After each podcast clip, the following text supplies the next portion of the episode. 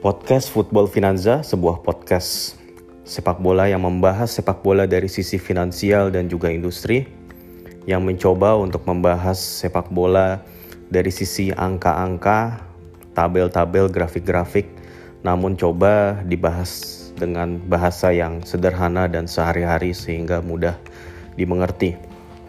Ada beberapa episode sebelumnya dari podcast-podcast ini yang sudah membahas beberapa istilah-istilah yang jamak ditemukan dalam dunia sepak bola, namun mungkin kurang mendapatkan perhatian yang cukup, sehingga coba dibahas di podcast ini dan semoga saja memberikan pemahaman yang diperlukan.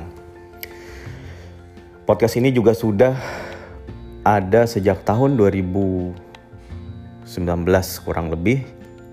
Episode terakhirnya itu ada di tahun 2020 yang karena fokus yang cukup teralihkan sehingga cukup lama untuk tidak diisi episodenya. Jadi ya sekarang berhubung ada hal-hal yang menarik ya yang bisa dibahas di podcast ini, maka podcast ini akan coba dihidupkan kembali Semoga saja bisa rutin, konsisten membahas isu-isu tentang finansial di sepak bola. Yang pertama, ini pengen membahas tentang Newcastle United. Sebagaimana kita tahu, Newcastle United ini menjadi berita besar belakangan ini, menjadi headline di dunia sepak bola. Bukan karena hasil pertandingannya, bukan karena taktik-taktik dari Steve Bruce, sang manajer, tapi ini karena Newcastle United dibeli ya sudah deal di take over oleh sebuah konsorsium ya yang kemudian uh, setelah ditelusuri itu berasal dari Arab Saudi. Konsorsium ini bernama PIF atau Public Investment Fund. Ini adalah sebuah konsorsium atau bagaimana menyebutnya ya. Sebuah lembaga yang pada dasarnya dia menghimpun kekayaan atau menghimpun penghasilan yang diperoleh oleh negara Arab Saudi baik dari sisi minyak ataupun juga ya semua lah semua penghasilan semua pemasukan dari perusahaan-perusahaan yang ada di Arab Saudi. Jadi memang memiliki kekayaan yang bisa dibilang sangat-sangat sangat-sangat luar biasa. Ini sampai sulit untuk menemukan kata yang pas untuk menggambarkan kekayaan yang dimiliki oleh konsorsium ini dan di balik konsorsium ini ada Muhammad bin Salman, anak dari Raja Salman yang merupakan raja dari kerajaan Arab Saudi. Ya, ini adalah orang yang sangat berkuasa, memiliki pengaruh besar. Dan gak lupa juga proses takeover ini juga diwarnai dengan berbagai penolakan dan ini juga sebetulnya sudah berlangsung beberapa beberapa bulan atau tahun lalu lah. Tahun lalu sebenarnya take over ini sudah coba dilakukan, namun pada saat itu gagal. Ini disebabkan ya karena kontroversi pertama mengenai pembajakan ya pembajakan siaran yang memang cukup marak di negara Arab Saudi yang tidak ditertibkan maksudnya pembajakan tersebut. Jadi kan ini masalah hak siar sih dan juga ada unsur politiknya juga. Kan Liga Inggris itu dipegang oleh BIN. Yang menyiarkan Liga Inggris itu kan BIN, stasiun TV BIN. Ya. BIN ini kan punya Qatar dan Arab Saudi dengan Qatar ini nggak akur lah. Pendeknya nggak akur gitu ya.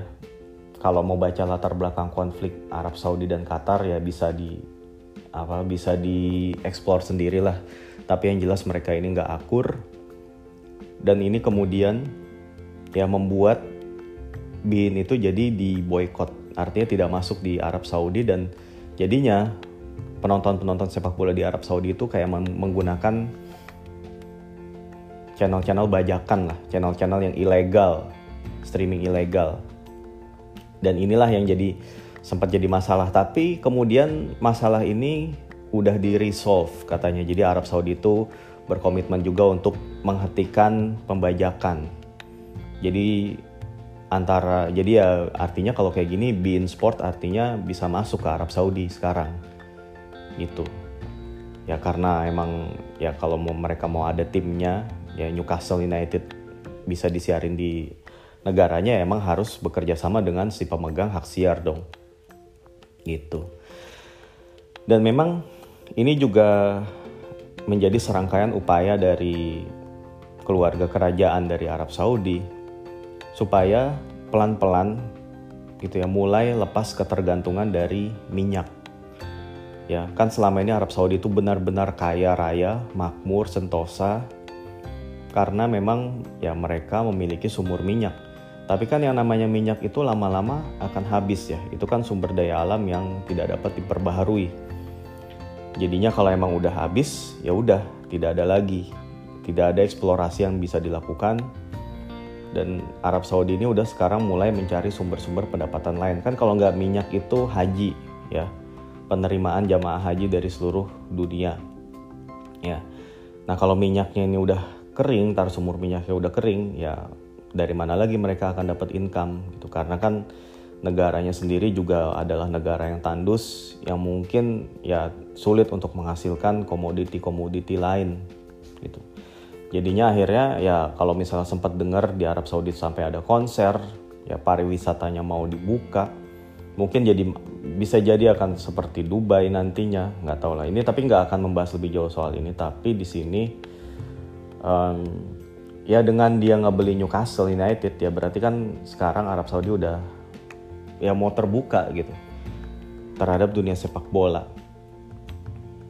Gitu yang tadinya mereka itu nggak nggak ada urusannya dengan sepak bola Eropa dan karena mereka mungkin ngelihat sepak bola Eropa ini punya market yang besar gitu ya akhirnya ya dengan menjadi pemilik salah satu klub Premier League ya ini menjadi langkah yang logis yang diambil gitu oleh keluarga kerajaan ini. Kurang lebih sih gitu ya backgroundnya. Um, by the way ngomong sedikit intermezzo soal Newcastle United. Ya mungkin teman-teman sekalian juga yang ngikutin bola dari lama terutama pasti udah nggak ngerasa Newcastle United ini adalah klub asing ya. Mereka udah berseliweran, udah ada di English Premier League gitu. bahkan di tahun-tahun 90-an itu pernah jadi juara juga gitu pas lagi masih ada Alan Shearer dan kawan-kawan dan Newcastle juga uh, pernah diperkuat pemain-pemain seperti Faustino Asprilla, David Ginola, lalu kemudian Kate Gillespie, lalu kemudian uh, uh, Stephen Taylor, Philip Albert, Pavel Cernicek, Laurent Robert, lalu kemudian ya banyak lah banyak sekali gitu. Legend-legend dari Newcastle United. Shola Ameobi itu masuk legend atau enggak ya? Ya pokoknya dia itu kan pemain dari kalau nggak salah dari akademi Newcastle United yang bisa tembus tim utama gitu ya. Terus ada juga pemain seperti Shaka Hislop Lomana Tresor Lua Lua dulu juga sempat Newcastle itu masuk empat besar waktu di bawah si Alan Perdue ya. Yang waktu zamannya Dembaba sama Papis Cisse duet depannya waktu itu. Ya emang uh, klub ini bukanlah klub sembarangan sih. Maksudnya bukan klub kecil juga. Mereka punya nama mereka ini ada di wilayah utara Inggris. Satu-satunya di wilayah tersebut. Ya ada sih uh, klub Sunderland. Cuman kan beda ini ya kalau nggak salah tuh beda wilayah gitu. Dan mereka ini punya fanbase yang besar ya. Stadion mereka St. James Park juga sebuah stadion yang besar yang kalau nggak salah kapasitasnya tuh 60 ribuan ya apa 70 ribu malah. Pokoknya stadion yang gede deh dan rataan penontonnya tinggi yang berarti kan fanatismenya juga tinggi dari publik Newcastle United gitu. Newcastle United juga pernah ada di film Goal The Dream Begin ya. Ya yang waktu itu adalah ceritanya kurang lebih seorang pemain muda dari Los Angeles Santiago Munez ya Munez ini ya imigran dari Meksiko gitu yang pergi dari Meksiko ini ke Amerika lewat cara yang ilegal ya dengan harapan dia bisa memperbaiki hiduplah di Amerika. Lalu kemudian dia jatuh hati pada sepak bola dia main di turnamen amatir dan di sela-sela permainannya itu ternyata ada mantan scout dari Newcastle yang mengamati ceritanya yang ngelihat wah ini orang boleh juga nih Nah, mantan scout itu namanya Glenn Voy. Lalu kemudian Mr. Voy ini mengatur pertemuan antara si Munez dengan uh, tim pelatih Newcastle United untuk dia bisa melakukan trial. Dan akhirnya setelah diatur, singkatnya Santiago bisa berangkat ke Newcastle dan akhirnya uh, dia menjalani trial, menjalani hari-hari sebagai pemain sepak bola di Inggris. Dia dikasih waktu trial pertama dua minggu, kemudian diperpanjang jadi sebulan. Itu ada ups and down yang dialami gitu ya, penyakit asmanya dia, terus fisiknya dia yang masih kurang mumpuni, pemahaman taktiknya yang kurang karena dia benar-benar hanya mengandalkan skill dan dribble aja gitu. Ini kemudian dia diajarin lah cara main sepak bola di Eropa supaya bisa jadi pemain yang sukses. Dan um, intinya dan singkat cerita dia akhirnya bisa meraih tujuannya gitu ya. Dan berhasil menjadi pemain inti Newcastle United dan mencetak gol penentu ke gawang Liverpool ceritanya gitu kan waktu itu. Ya. Dan sekarang menurut gue uh, ya ini bisa jadi adalah sebuah rejeki nomplok ya karena Newcastle United ini kalau yang gue tahu dari fans-fansnya adalah uh, dia mereka itu nggak suka dengan presiden yang sekarang yaitu Mike Ashley. Karena si Mike Ashley ini dianggap uh, dia ngelola klub ini ya pokoknya demi cuan aja gitu. Demi keuntungan-keuntungan dia tuh nggak mau invest dia tuh nggak mau eh, nggak uh, mau belanja pemain ya pokoknya dia cuma seadanya aja gitu. Dia ya yang penting buat dia adalah portofolio. Portofolio keuangan ya. Yang penting Newcastle tetap bertahan di Premier League ya sehingga ya dia bisa tetap dapetin keuntungan dari hak siar yang besar gitu. Nah ini buat fans-fans Newcastle United yang dulu mengalami mungkin masa-masa jayanya di si Alan Shearer dan kawan-kawan ini hal yang sulit diterima gitu. Dan ketika ada pembeli baru gitu yang dengan profil seperti Pangeran Mohammed bin Salman ya yang juga memiliki kekayaan yang seperti tidak terbatas. Wah, ini tentunya menjadi berita yang sangat menggembirakan gitu ya. Ini klub bisa dibilang nantinya bisa berubah nasib langsung bisa menjadi tim besar. Gitu ya. Karena saat ini uh, Newcastle United kalau memang uh, sudah jadi ya, sudah jadi takeover sudah jadi, ya ini uh, Muhammad bin Salman ini akan menjadi pemilik pemilik klub sepak bola terkaya di dunia. Itu udah ngalahin pemiliknya si PSG dan juga pemiliknya Manchester City.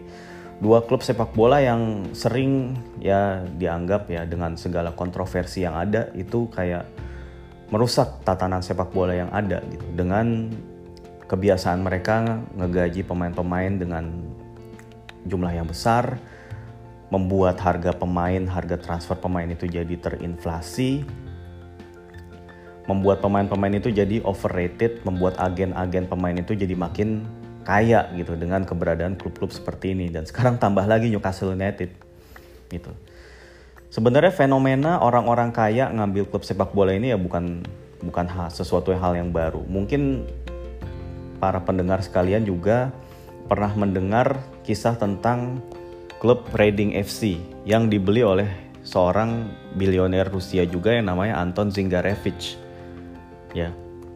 Jadi pada saat itu si, Anton Zingarevich ini ngebeli Reading FC dengan kekayaannya dia yang kalau nggak salah sih setara dia tuh dengan Roman Abramovich ya pemiliknya Chelsea. Tapi kemudian si Zingarevich ini nggak melakukan transfer yang jor-joran seperti halnya Abramovich dulu. Ya, ini dia beda visi. Tapi ya karena ya sepertinya tidak serius, ya si Zingarevich akhirnya sekarang kalau nggak salah udah nggak jadi pemiliknya Reading FC. Terus kemudian ada juga pemilik sepak bola yang menurut gue salah satu yang paling kontroversial di dunia yaitu Vladimir Romanov yang pernah menjadi pemilik dari klub Hearts atau Heart, Heart of Midlothian di Skotlandia. Tadinya niat awalnya si Romanov ini pengen supaya Heart ini mengusik duopoli dari Rangers dan Celtic. Ya. Tapi malah kemudian dia mengelolanya ya begitulah malah jadi banyak utang gitu ya malah jadi terancam bangkrut waktu itu si Hart ya dan akhirnya malah ya meninggalkan kesan yang buruk gitu. Terus mungkin pernah dengar juga kisah dari Sulaiman Kerimov. Itu dulu pernah menjadi pemilik dari klub Rusia dari wilayah Dagestan yaitu Anji Makachkala. Anji Makachkala ini adalah klub sepak bola dari wilayah yang sering menjadi sengketa, bukan wilayah sengketa sih, pokoknya wilayah yang sering terjadi konflik di situ, ya di wilayah Dagestan, ya di wilayah Tenggara Rusia. Kerimov ini membeli Anji Makachkala, ya dan terus dia menggebrak dengan mendatangkan dua superstar yaitu Samuel Eto'o dan juga Roberto Carlos. Mungkin pernah ingat klub ini ya dan sempat meramaikan persaingan di papan atas Liga Rusia sejak itu. Ya tapi kemudian kalau tidak salah ya sekitar sekitar tahun 2017 si Kerimov itu menarik investmentnya dari Anji dan pada akhirnya uh, setelah ini si setelah Kerimov cabut si Anji Makachkala ini main di divisi 3 gitu ya mungkin kalau di Rusia agak-agak sulit terganjal berbagai regulasi-regulasi gitu ya. Kalau si Anji masuk uh, Liga Champions yaitu bagaimana mempertanggungjawabkan segala pemasukan yang mereka dapat. Biaya gaji yang tinggi, transfer yang tinggi, kemudian ya nanti uh, mereka jadi nggak profit ya. Itu bagaimana mempertanggungjawabkannya ke UEFA itu sangat sulit ya. Tapi kan ini beda kalau Newcastle. Newcastle ini di bawah Mike Ashley kan seperti yang tadi gue bilang itu udah sangat uh, sustain gitu dari secara finansial. Ya nanti ya mungkin akan terjadi juga ya dari PIF ini atau Public Investment Fund ini akan membentuk lagi badan-badan atau perusahaan-perusahaan apalah gitu ya. Bisa shell company bisa vehicle company atau benar-benar perusahaan perusahaan beneran gitu ya. Yang kemudian menjadi sponsor dari Newcastle. Nah sponsorship yang gede inilah nih yang yang setahu gue sih belum diatur gitu ya di UEFA itu bagaimana bagaimana juklaknya, bagaimana juknisnya, petunjuk pelaksanaan, petunjuk teknisnya. Yang mengatur misalnya berapa besar sih sponsorship yang harus apa yang bisa diterima oleh sebuah klub. Ya sebetulnya kan tidak boleh ada uh, financial fair play kan spiritnya juga nggak boleh ada injeksi langsung dari pemilik kepada klubnya supaya kompetisi itu bisa fair. Nah kemarin gue sempat baca di berita di Guardian ya, yang mana itu 19 klub itu kayak 19 klub peserta Liga Premier Inggris ya selain Newcastle ya itu mereka katanya mengadakan kayak rapat darurat gitu karena mereka nggak suka dengan keberadaan si Muhammad bin Salman ini gitu ya di Liga Inggris. Gitu ya. Mungkin akan menjadi jadi merusak lagi gitu. Kayak merusak harga lagi karena punya duit banyak ya ntar bisa jadi Newcastle di musim panas nanti nih atau jangan-jangan di musim dingin ini bisa dimulai ya.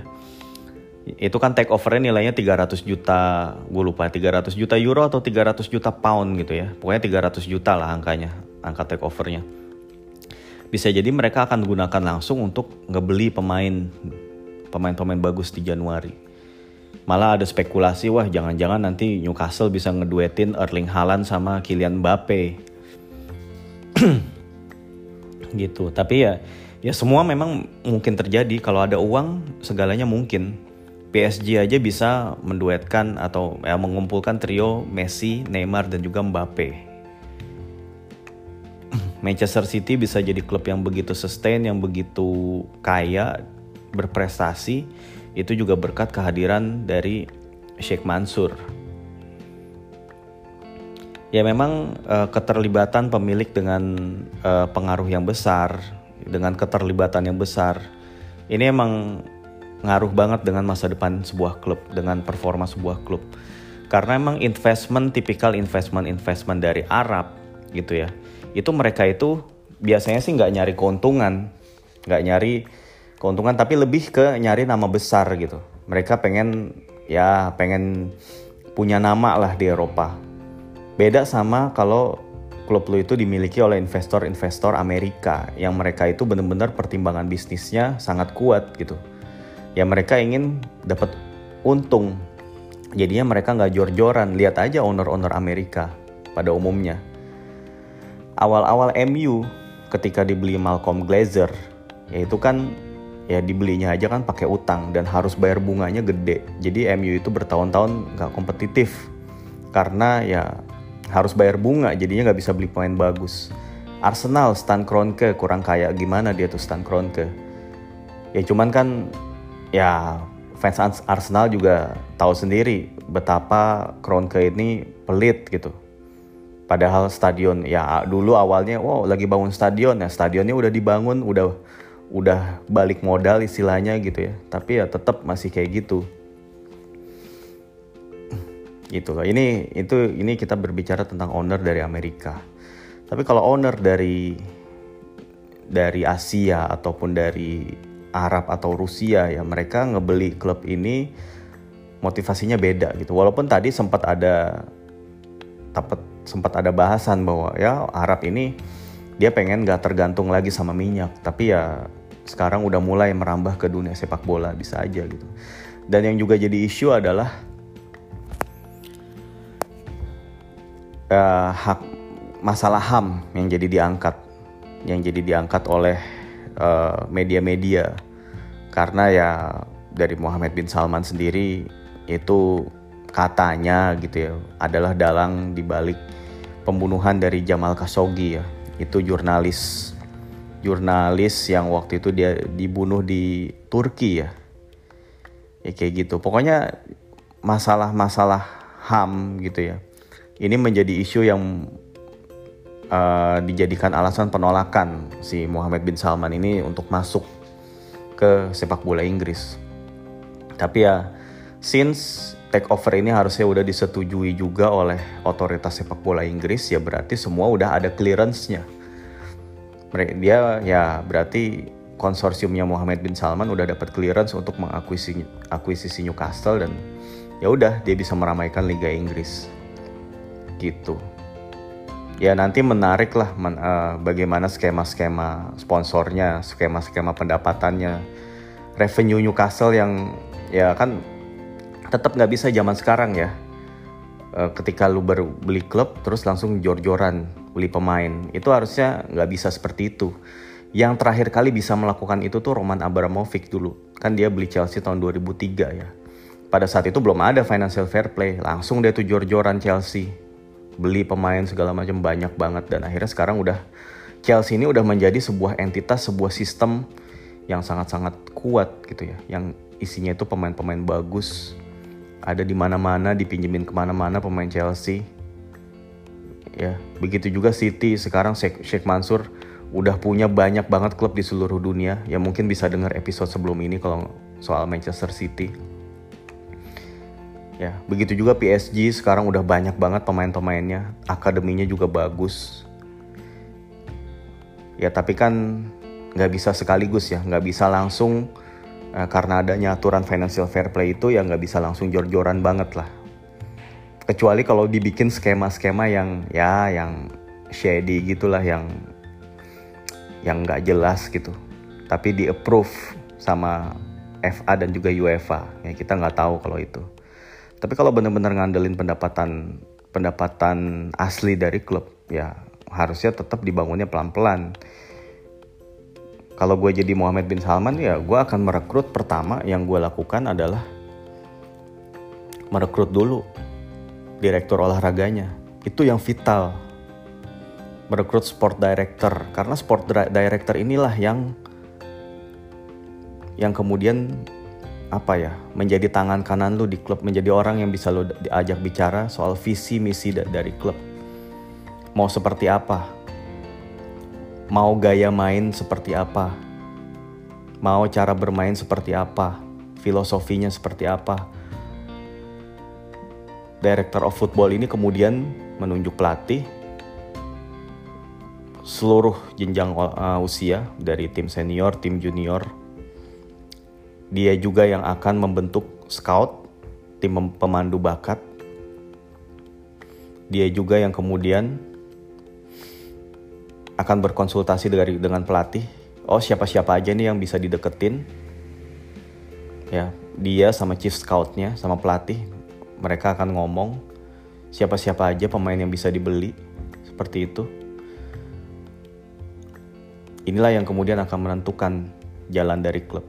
Selain itu juga ya klub perlu meng-hire beberapa orang tentunya dari manajemen untuk menjadi CEO. CEO, CFO, CRO, COO, pokoknya uh, si levelnya dia di hire. Si level yang kalau di Indonesia itu gajinya di atas 250 juta itu. Yang di hire kemudian untuk bisa memberikan batasan-batasan nih. Ya, selain memberikan eh, arahan-arahan kepada director of football tentang ini loh budget transfer kita segini misalnya gitu. Lu jangan lebih dari ini spendnya ya. Itu yang dia yang ngasih rambu-rambu. Nah kemudian si chief revenue officernya dialah yang kemudian bertugas untuk menggali lagi, digging lagi penerimaan-penerimaan gitu. Dari sisi manajemen itulah dibenahi dulu. Ya mungkin dalam waktu 3-4 tahun baru kelihatan hasilnya harusnya. Kalau emang cara-cara yang digunakan ini legal ya, gitu, yang benar-benar sesuai aturan, gitu. Ya dengan nama nama besar Muhammad bin Salman itu kan harusnya ya banyak yang bisa dilakukan, gitu sih buat Newcastle United. Ya udah, uh, gue rasa ini dulu episode yang pertama setelah sekian lama ya. Mohon maaf kalau memang agak kurang berkenan, mungkin agak kurang oke okay, atau bagaimana. Kalau memang ada saran, masukan, kritikan, silakan di DM di tweet dari Football Finanza. Jangan lupa juga follow Spotify-nya, dengerin episodenya, dukung supaya podcast ini juga terus bisa berkembang. Baik, terima kasih sudah mendengarkan. Sampai jumpa lagi dalam episode-episode mendatang.